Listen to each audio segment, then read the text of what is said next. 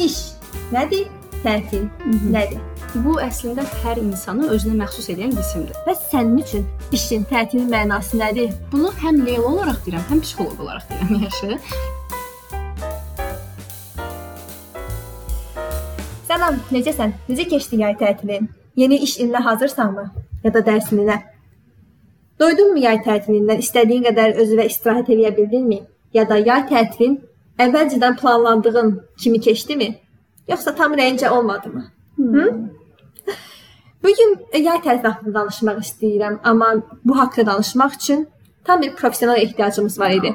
Buna görə də bugünkü bölümün qonağı Leyla Dadaşlıdır. Psixoloq Leyla Dadaşlı. Bu gün Leyla ilə yay tətilindən iş işə və ya dərsə necə qayıda bilərik? Qayıtmağın çətinliklərindən danışacağıq. Bəzi adamlar həqiqətən bu haqqda problemlər yaşayırlar. Bu bugünkü bölümdə həmin problemlərə baxacağıq və onları necə asanlaşdırmaq mümkündür. Amma başlamamışdan əvvəl istəyərdim ki, Leyla özünü bir tanıtsın. Buyur Leyla. Hər kəsə salam. Əvvəla Türkan çox sağ ol podkastə dəvət etdiyin üçün.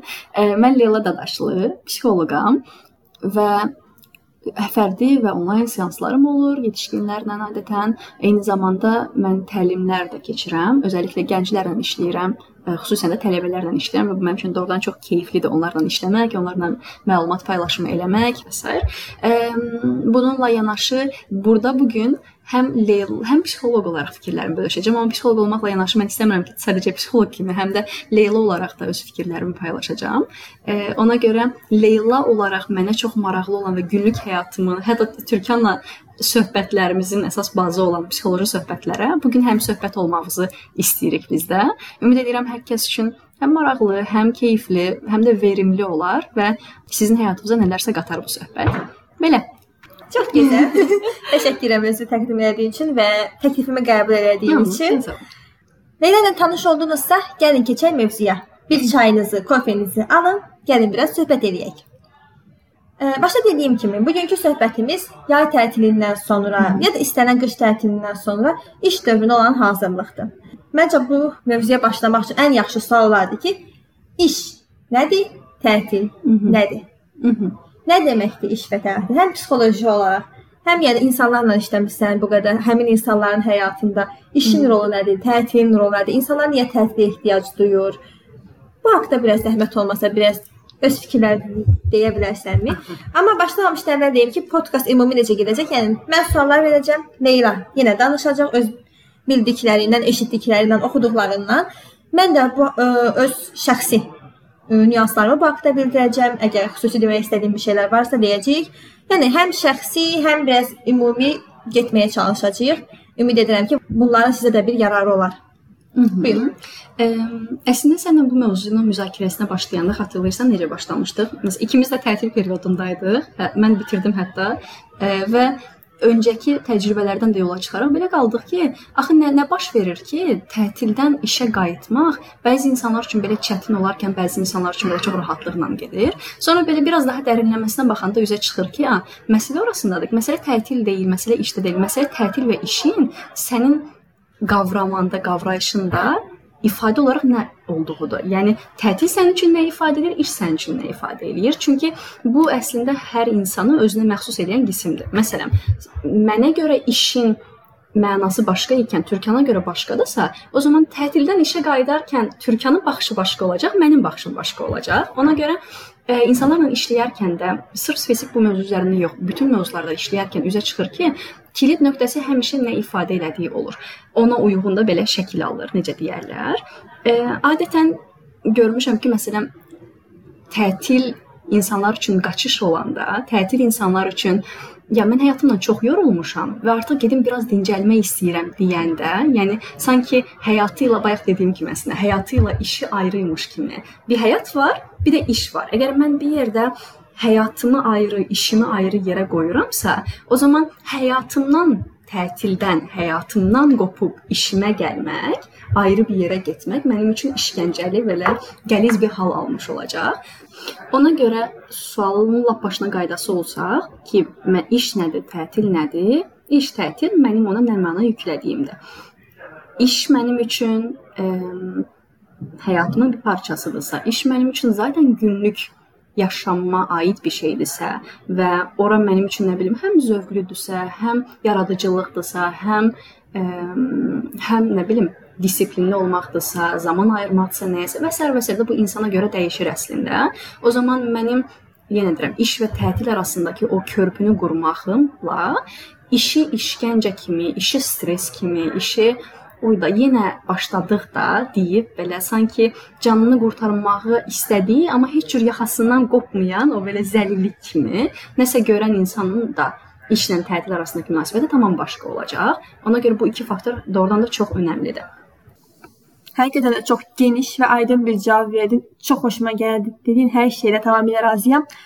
Amma sən dediyin kimi də bu şeylər, yəni işin, tətilin mənası hər bir insan üçün individualdır. Buradan yola çıxaraq, gəl səndən soruşum. Bəs sənin üçün, Leyla üçün bir işçi olaraq işin, tətilin mənası nədir? Bunlar sizə nə ifadə edir? Bu məsələn bu mövzu ilə bağlı, yəni bu mövzunun psixoloji tərəfdən önəmini bilirdim, amma insan belə özündə də belə özünü də lupa ilə belə yaxınlaşdırıb məsələlərə baxanda önəmini doğrudan görürsən bu nə ifadə eləməyin, niyə bu qədər önəmli olduğunu. Yaxın zamanda e, elə mənim məhz tətildən işə qayıtma prosesində çətinlik çəkirdim. Çünki tətil hə çox qəşəng idi, çünki səyahət eləyirdim, istədiyim qrafikim istədiyim şəkildə özüm tənzimləyirdim və s. E, çünki mən paraleldə hal-hazırda bir dövlət işində işlədiyim üçün 9-6 iş rejimində mənə ora uyğunlaşmaq, öz yaradıcılıq məsələmdən ayrılıb ora uyğunlaşmaq e, bəzən çətinlik törədirdi. Ona görə və baxanda mən gördüm ki, məsələ nə iş deyil, nə iş mühiti deyil. Məsələ mənim işi ayrı, həyatımı ayrı görməyimdir və mən düşünürəm ki, bir çox insanda əslində bu faktor var. Çünki biz böyüdülərkən və ya da bizə işlə bağlı iş nədir? Algısını heç kim oturub qabağına demir ki, bala iş budur, bu şəkildə olur. Yəni o düzgün algını bizə öyrət öyrədilmir də çox vaxt. Adətən biz ya baxırıq, ya kimdənsə görürük, ya kimdənsə götürməyə belə anlamağa çalışırıq bunu və çox vaxt bu xətalı ola bilər. E, və ki, əgər sənin gördüyün insanlar işi əziyyətlə görən insanlardırsa, sənin gözündə avtomatik iş zövqdən, həyatdan kənar bir şeydir. Və mən görəndə ki, hə, sən demə mən işi ayrı, həyatı ayrı kodlamışam özüm üçün. Ona görə həyatdan çıxıb işə qayıtmaq mənim üçün daha çətin olurdu.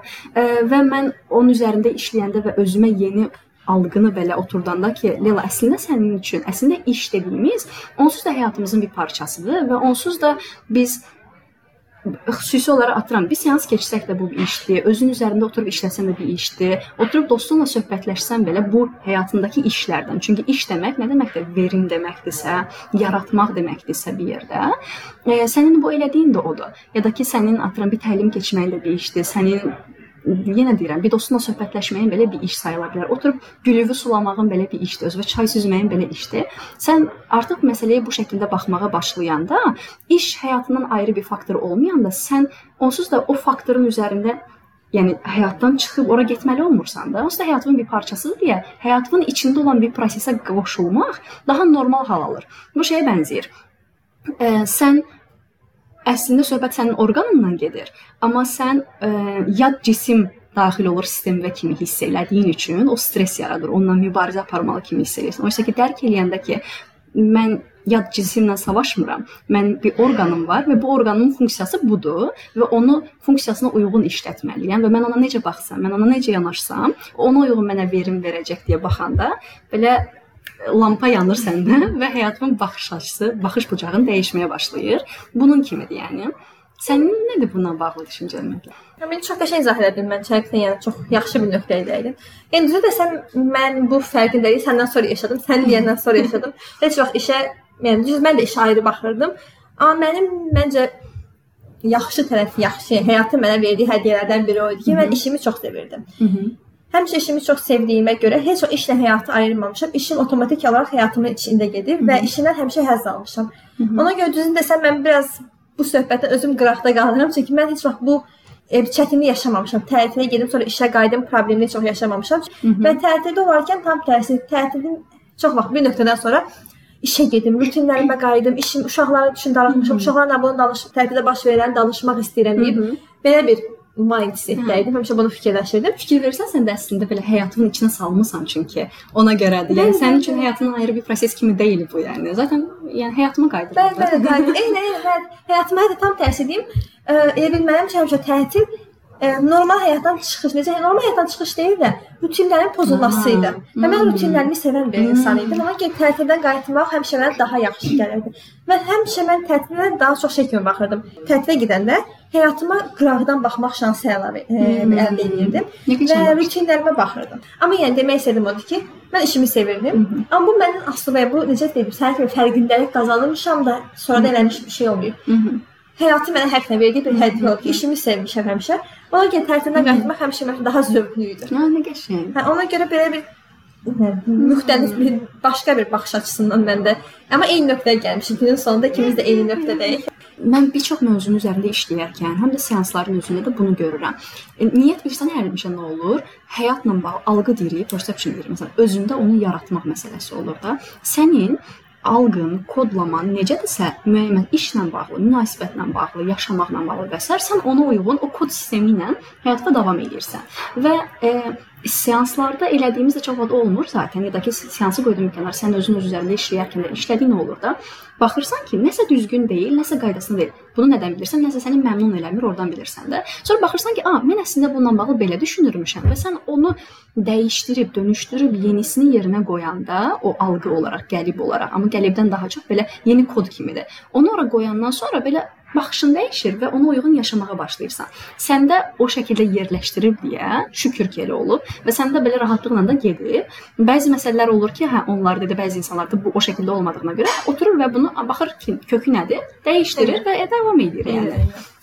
Bəli, bəli, bəli. Amma yəni e, sadəcə deyim ki, yəni tətil də iş də həqiqətən Leylanın da e, sözlərinə qüvvət. Hər bir insan üçün müxtəlifdir, şəxsidir.